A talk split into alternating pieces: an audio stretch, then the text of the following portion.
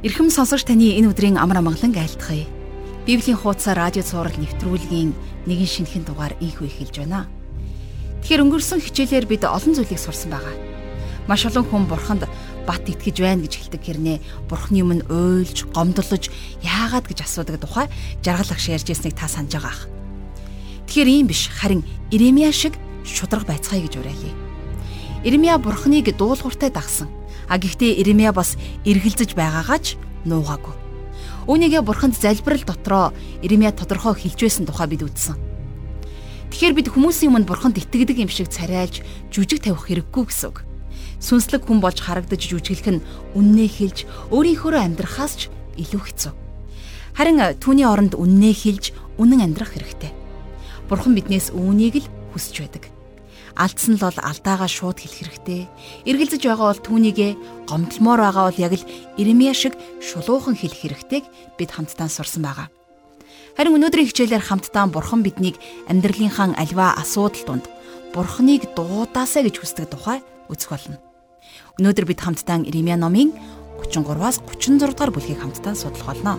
Ингээд эзний өмнө энэ цагийг өргөж хамтдаа залбирцгаая. Бурхан эцэг минь Таньда баярлалаа аваа. Таны үгнээс суралцж, таныг улам илүүгээр таньж мэдэх энэ цагаас та биднийг сатааруулах аливаа бүх зүйлээс хол байлгаж өгөөрэй. Их эзэн минь, энэ цагаар дамжуулан та бидэнд өөрийнхөө үгийг илчилж харуулаарай. Таныг улам илүүгээр таньж мэдхийн тулд энэ цагийг эхнээс нь дуусах хүртэл ариун сүнсээрээ удирдах өгөөрэй. Бүх зүйлийг танд өргөж, эзэн Есүсийн нэрээр залбирanгуйч байна. Амен. Ингээд хамтдаа жаргал ах шиг хичээлд анхаарлаа хандуулцгаая.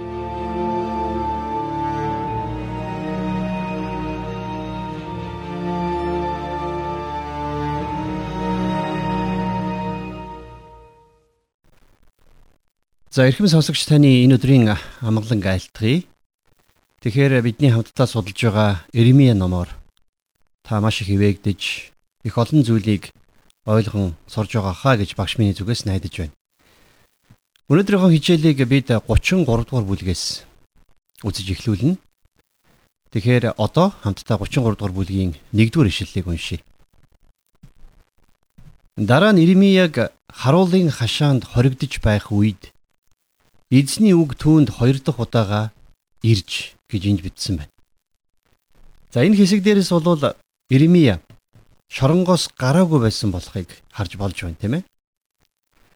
За үргэлжлүүлээд 2-оос 3 дугаар ишлэлдэр газар дэлхийг бүтээсэн эзэн тогтоохын тулд түүнийг бүрэлдүүлсэн эзэн ингэж айлдаж байна. Нэрийг нь эзэн гэдэг. Намайг дууд. Би чамд хариулж чиний мэдэхгүй агуу хүчит зүйлийг би чамд ярина химээвэ гэсэн баг. За маш олон итгэгчид э, олонний өмнө гэрчлэл ярихдаа энэ ишлэлийг иш татдаг. Энэ бол үнэхээр гайхалтай ишлэл. А гэхдээ хэрвээ бид нар энэ ишлэлийг яг энэ бүлэг дээр гарч байгаа үйл явдлуудтай холбож ойлгох юм бол бүр ч илүү гайхамшигтай ишлэл болохыг бид ухаарах болно. Хэдийгээр Иремья шоронд байсан ч гэсэн бурхан тэрнийг газар худалдаж ав гэж тушаасан тухай бид өнгөрсөн хичээлээр үзсэн тийм ээ. Ингээд Иремья итгэлээрээ үйлдэж газар худалдаж авсан ч гэсэн тэрний дотор маш олон асуулт байсан хэвээр байсан. Бурхан яагаад Юдаг заавал цөллөгт явахыг зөвшөөрсөн юм бэ гэж Иремья Бурханаас асууж байсан. Бурханаас ийм асуултуудыг асууна гэдэг итгэгч та бидний хувьд итгэлийн нэг том илрэл юм. Яахаараа ийм асуулт Бурханд итгэх итгэлийн илрэл болчихдаг үлээ гэж та гайхаж үж болох юм. А тэгэхээр яагаад гэдгийг болоод би одоо хэлж өгье. Бид нэр бурхантай хамт алхах үед бурхан олон гайхамшигтай зүйлсийг бидний амьдралд үйлддэг. Бурхан өөрөө агуу гайхамшигтай учраас түүний үйлс бүхэн нь гайхамшигтай байдаг. Харин тэр бүх үйлсийг нь хүмүүн бид нэр тэр бүр ойлгож ухаарч чаддгүй. Тэгээд ийм тохиолдол болгонд бид нэр бурхан минь ээ та яагаад ийм имийг хийдэг юм бэ гэж асуудаг. Хүн л улсан хойно бидний дотор мэдээж ийм асуулт төрдөг шүү дээ. Үнэхээр бурхны өмнө очиод яагаад яагаад гэж асуух үе та бидэнд олон тохиолдно. Итгэлийнхээ амьдралд олон зүйлийг үзэж туулсны эцэст би амьдралынхаа гуниг зовлонтой тэр цаг мөчүүдэд зүгээр л бурхантай хамт алхаж сурсан юм. Ингэхдээ би одоо ч гэсэн бурхан минь яагаад гэсэн асуултыг тавьсан хിവэрэ байгаа. Би бурханд өөрийнхөө дотор төрж байгаа эргэлзээ тэнгэслүүдэд хилдэг. Би бас бурханд итгэж байгаагаа ч хилдэг. Иремьяч гэсэн бас ийм хүн байсанд би хувьдаа баяртай байна. Библиэл дээрх олон олон итгэлийн бааtruуд бүгд л бурхнаас яагаад гэдэг асуултыг асууж байдаг байсан. Жишээ нь Хабакук номон дээр иш үзүүлэгч Хабакук Бурханаас маш олон зүйлсийг асуусан байдаг. Тэгэхээр Хабакук ном бол бүхэлдээ Бурханаас яагаад гэж асуусан асуултын ном гэж ойлгож болно. За Йонач гэсэн Бурханаас яагаад гэж асууж байсан тийм ээ. За би энд юу гэж хэлэх гээд байна вэ гэхээр бид нар яагаад гэж асуудаг нь итгэлгүй байгаадаа биш юм аа. Харин Бурхны бидний амьдралд хийж байгаа олон зүйлсийг ойлгохгүй. Тэгээд дотроо хүлээн зөвшөөрч чадахгүй байж гаднаа дагаж байгаа дүр үзүүлэх нь хоёр нүр үстэй. Тэм учраас Бурхны өвөнд бид нэр бүх зүйл дээр шудраг байхыг Бурхан биднээс хүсдэг гэдгийг та бид нар мэднэ. Тиймдээч Бурхан бидэнд намайг дууд. Би чамд хариулж чиний мэдэхгүй агуу хүчит зүйлийг би чамд ярина гэж хэлсэн. За харин одоо Иремияд Давидтай хийсэн гэрээгээ бурхан дахин батлах гэж байна. За энэ хүү гэрээ бол 2 дугаар Самуэль номын 7 дугаар бүлэг дээр гардаг. Бурхан Давидтай гэрээ хийсэн. За энэ гэрээ нь бол Давидын хаанчлалын сэнтийг мөнхөд тогтооно гэж амласан гэрээ байсан. За тэгээд энэ амлалтыг бол үе үеийн иш үзүүлэгчид дахин дахин сануулсан байдаг. За тэгвэл зүнж Иремья энэ талаар юу гэж хэлснийг Ирмие номынхон 33 дугаар бүлгийн 14-өөс 15 дугаар ишлэлээс хамтдаа харъя. Үзэгтэн Израилийн гэр ба Юдагийн гэрийн талаар өөрийн айлдсан сайн үгийг би биелүүлэх өдрүүд ирж байна гэж эзэн тунх гэлж байна. Тэр өдрүүдэд болон тэр цагт би Давидын зөвхт мөчрийг гаргана. Тэрээр дэлхий дээр шудраг ёс болон зөв шударгыг хэрэгжүүлэх болно гэж бичсэн байна. За энд тэр өдрүүдэд гэсэн хиллэг гарч байна. Энэ бол удахгүй ирэх эзний өдрийг хэлж байгаа. Дараагаар нь би Давидын зөвхт мөчрийг гаргана гэж бурхан хэлсэн. Үүнхээр Давидын удмаас мэндэлсэн Есүс Христээс өөр зөвхт мөчр байхгүй. Тэрээр дэлхий дээр шудраг ёс болон зөв шударгыг хэрэгжүүлэх болно гэж дараа нь хэлсэн байна, тийм ээ. Тэгэхээр энэ цаг үе бол хараахан ирээгүй байгаа. А гэхдээ хожим нэгэн өдөр ирэх болно. 16 дугаар ишлэл. Тэдгээр өдрүүдэд Юда аврагдах бөгөөд Иерусалим аюулгүй оршин суух болно. Тэрээр эзэн бидний зөв шудраг гэдэг нэрээр дуудагдах болно гэсэн байна. Эзэн бол бидний зөв шудраг гэсэн энэ үгийг еврейгээр Яве цэдэгнү гэж хэлдэг. Яве цэдгэнү. Хэрвээ та бидний дотор ямарваа нэгэн зөвхт байдал байгаа бол Энэ нь зөвхөн Есүс Христийн дотор л байх боломжтой. Яагад гэхлээр Есүс Христ бол та бидний зөвхт байдал юм. За 17 дугаар ишлэлдэр учир нь эзэн ингэж айлдаж байна. Израилийн гэрийн сэнти дээр суух хүнээр Давид хизээч дутагдахгүй. Энд дурддагдж байгаа тэр нэгэн болвол Бурхны баруун гар талд заларсан Есүс Христийг хэлж байна. Түүний талаар Давид дуулал номынхон 110 дугаар дуулалын 1-р эшлэлдэр Эзэн миний эзэнд би чиний дайснуудыг хөлий чинь гიშгүүр болгох хүртэл миний баруун гар талд суу гэдэг гэж хэлсэн байна. Өнөөдөр бурхан хүмүүсийг өөрлөгөө дуудсаар байна. Тинхүү өөрийнхөө Есүс Христийг энэ дэлхийн дээд сэнтид суулгах цаг ирнэ. За үргэлжлүүлээд 19-оос 22 дугаар эшлэлдэр Эзний үг Иремияд ирж эзэн ингэж айлдаж байна. Хэрв та нар өдрийн тухай миний гэрээ, шөнийн тухай миний гэрээг зөрчиж, өдөр шөнө хоёр тогтоосон цагтаа ирэхгүй болгож чадвал зарц Давидтай минь байгуулсан гэрээгч зөрчиж, синтитэнд суух хүүгүү болгож, миний үйлчлэгч Левийн тахиж нартай байгуулсан гэрээг минь зөрчиж чадна. Тэнгэрийн эргэсүүд тоологдож, далайн элс химжигддэггүй адил Би өөрийн зарц Давидын үр удмыг болон надад үйлчилдэг левичүүдийг олон болгоно химээв гэж бичсэн байна. За тэгэхээр байна. Яг энэ иш үзүүлгийг өгөх үед болвол Юдагийн хаан ширээнд Зедекий хаан сууж байсан. За та бид нар өмнөх хичээлүүдээр ярилцж байсан тийм ээ. Зедекий хаан бол үнэхэрийн бузар муу хүн байсан. Бабилоны хаан Небухиднецар Иерусалимыг эзлэн авах үедээ Зедекий хааны нүдийг сохолж олзлон авч явсан байдаг. За инглигээ Давидын удам тасарсан уу гэвэл үгүй. Харин Вавилоны хаанчлал хожим нуран унсан шүү дээ. Агуу Александрийн хаанчлалч нуран унсан. Өнөөдөр Египтэд ямар ч фараон байхгүй. Харин Давидын сэнти залрах тэр нэгнийг Бурхан бэлдсэн гэж хэлсэн. Энэ бол Есүс Христ. За одоо харин хичээлээ үргэлжлүүлээд 34-р бүлгээр 1-ээс 5 дугаар ишлэлийг хамтдаа уншийе. Вавилоны хаан Небухиднецар болон бүх цэргүүд нь эрх мэдлийнхэн доор байсан дэлхийн бүх хаанчлал ба бүх ард түмний хамт Иерусалимийн эсрэг бүх хотынх нь эсрэг дайтаж байх үед Иремияд эзнээс үг ирж Израилийн бурхан эзэн ингэж айлдаж байна. Явж Юдагийн хаан Зидкиятай ярьж түүнд эзэн ингэж айлдаж байна. Үзэгтэн. Би энэ хотыг Вавилоны хааны гарт өгч байгаа бөгөөд тэр үүнийг галаар шатаана. Чи гараас нь зүхтаахгүй Учир нь чи лавтай олзлогдож түүний гарт тушаагдана. Чи Вавилоны хааныг нүдэрээ харж тэр чамтай нүүр нүрээрээ ярьж чи Вавилон руу явна гэж хэл. Гэлээч эзний үгийг сонсох тун. Юдагийн хаан Зидкия эзэн чиний талаар ингэж айлдаж байна. Чи ил дээр үхэхгүй. Чи амар тайван үхнэ. Чиний өмнө байсан урдын хаад эцэг өвгдөд чинь зориулж уугуулсан шиг тэд чамд зориулж ч мөн уугуулна. Тэд чиний төлөө ай хөөрхий эзэн гэж гашуудна.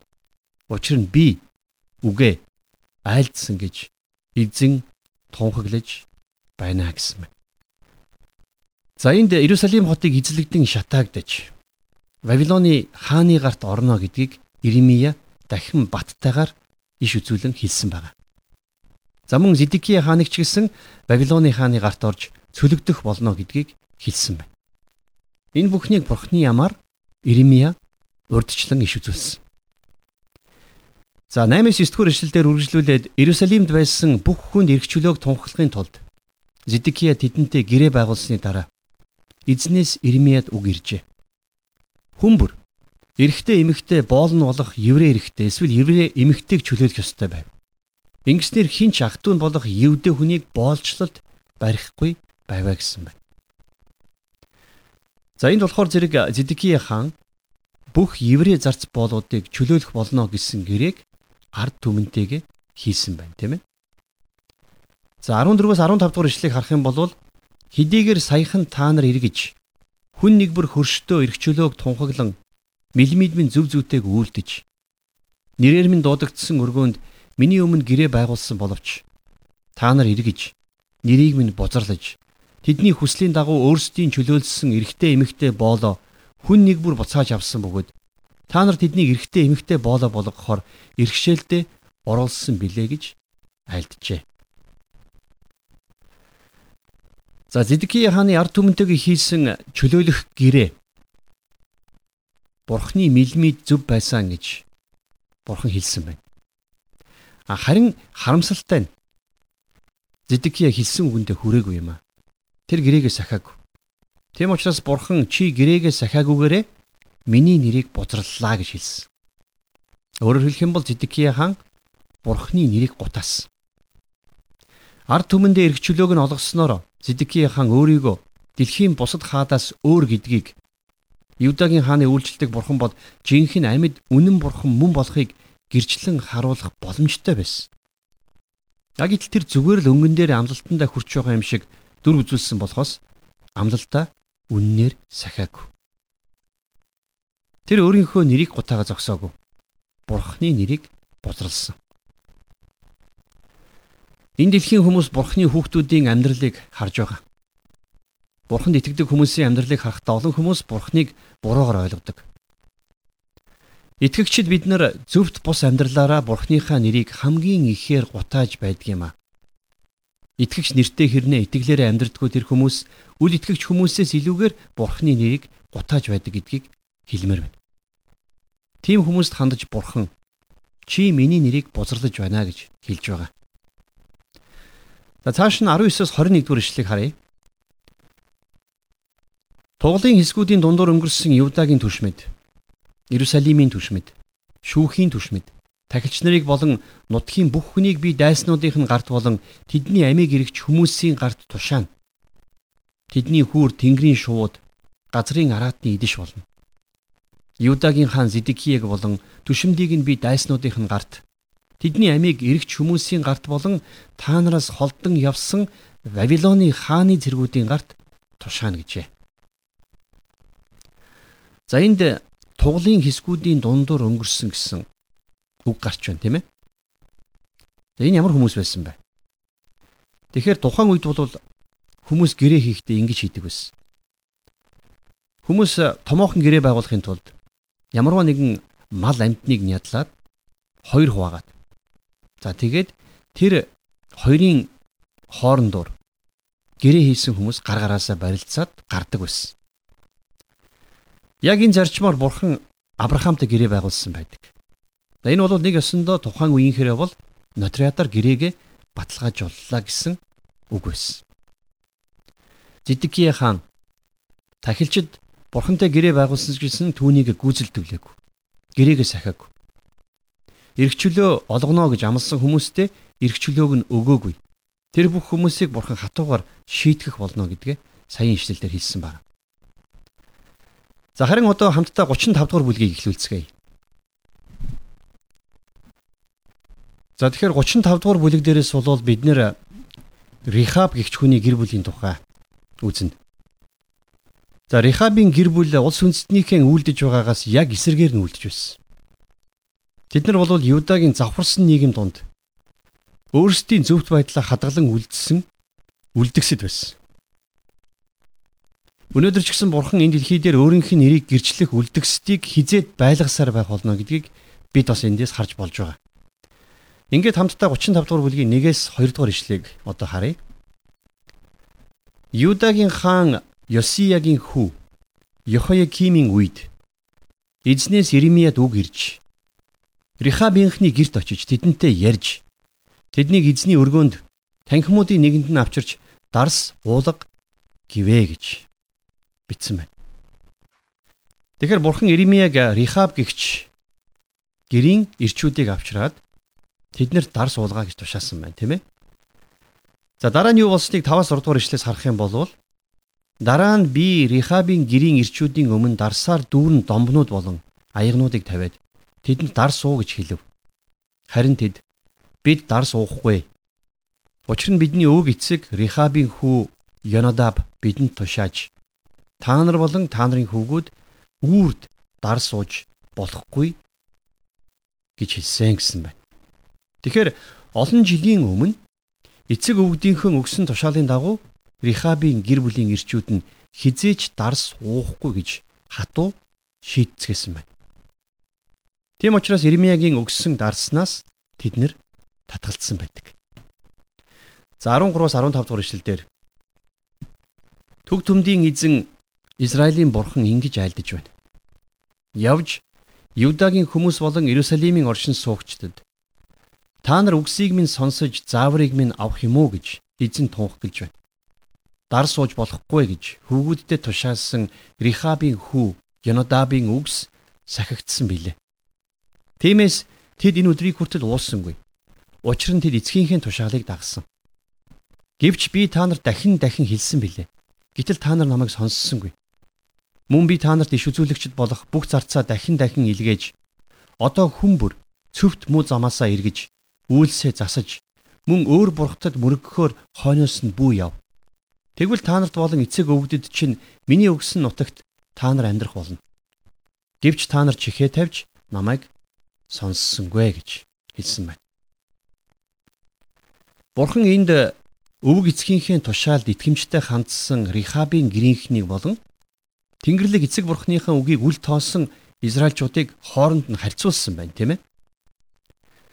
За Ирмэ номын 35 дугаар бүлгийн үлдсэн хэсэгтэр болвол Юдагийн ард түмэн дээр буух шүүлт болон за Рихабын гэрийн дээрх ивэл өрөөлийн тухай өгүүлсэн байдаг. За энийг та өөрийнхөө чимээгүй цагаар уншаад судлаарай. Харин одоо бүгдээрээ хамтдаа 36 дугаар бүлгийг эхлүүлье.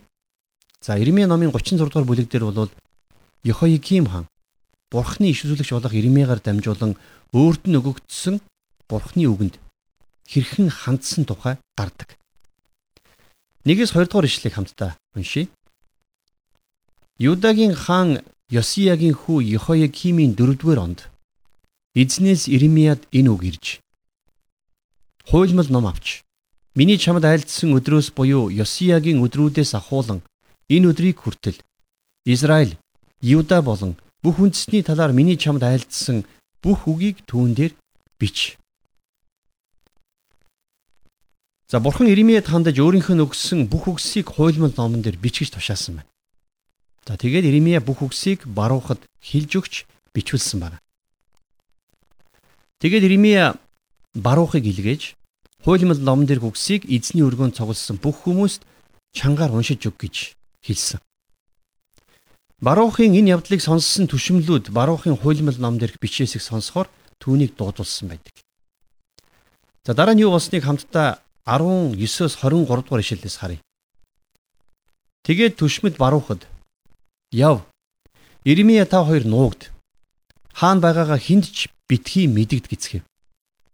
Ингээд тэд ордон дах хаан руу явсан боловч хуйлмал номоо гүүш Илишамагийн танхимд хадгалж бүх үгийг хаанд мэдээлв. Дараа нь хаан хуйлмал номыг ахуулахаар Ихүүдийг явуулсанд тэрээр гүүш Илишамагийн танхимаас түүнийг гаргаж ав. Ихүүд түүнийг хаанд болон хааны хажуу зогсож байсан бүх түшмэлд уншиж өглөө. Хаан өмнө нь хоовонд асаж буй галтай өвлийн ордондоо 9 дугаар сард сууж байлаа.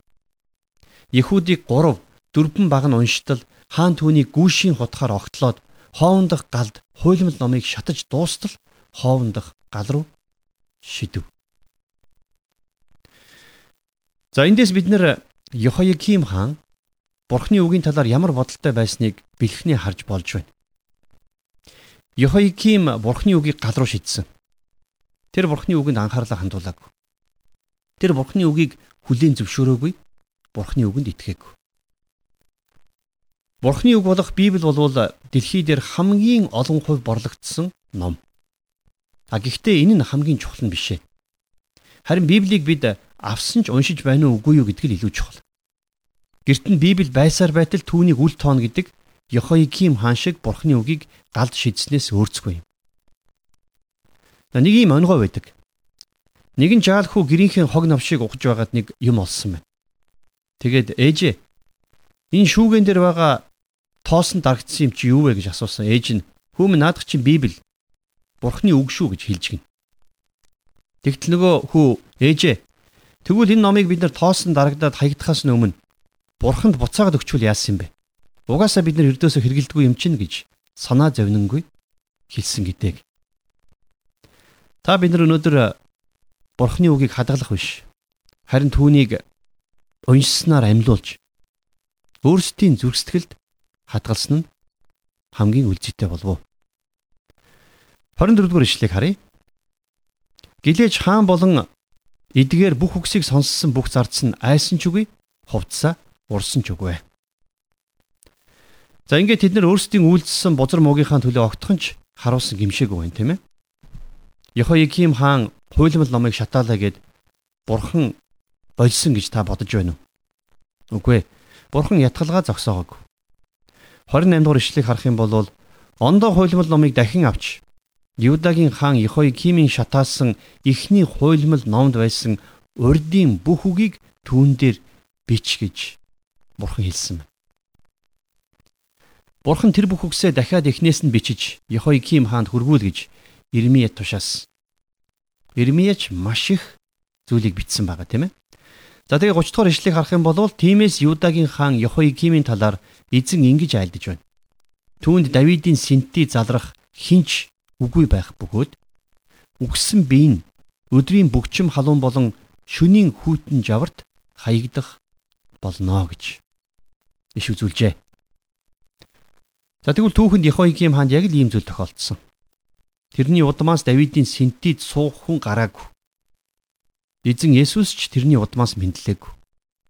Есүсийн их Мария бол Давидын өөр нэгэн хүү болох Натаны удмын байсан. Жохомдоо Мариягийн удмаар дамжуулан Есүс Христ Давидын удмын нэгэн болсон байдаг. Харин яг хэлсэн ёсоор Йохоикимийн удмын нэг ч хүн Давидын синтид залраагүй юм аа.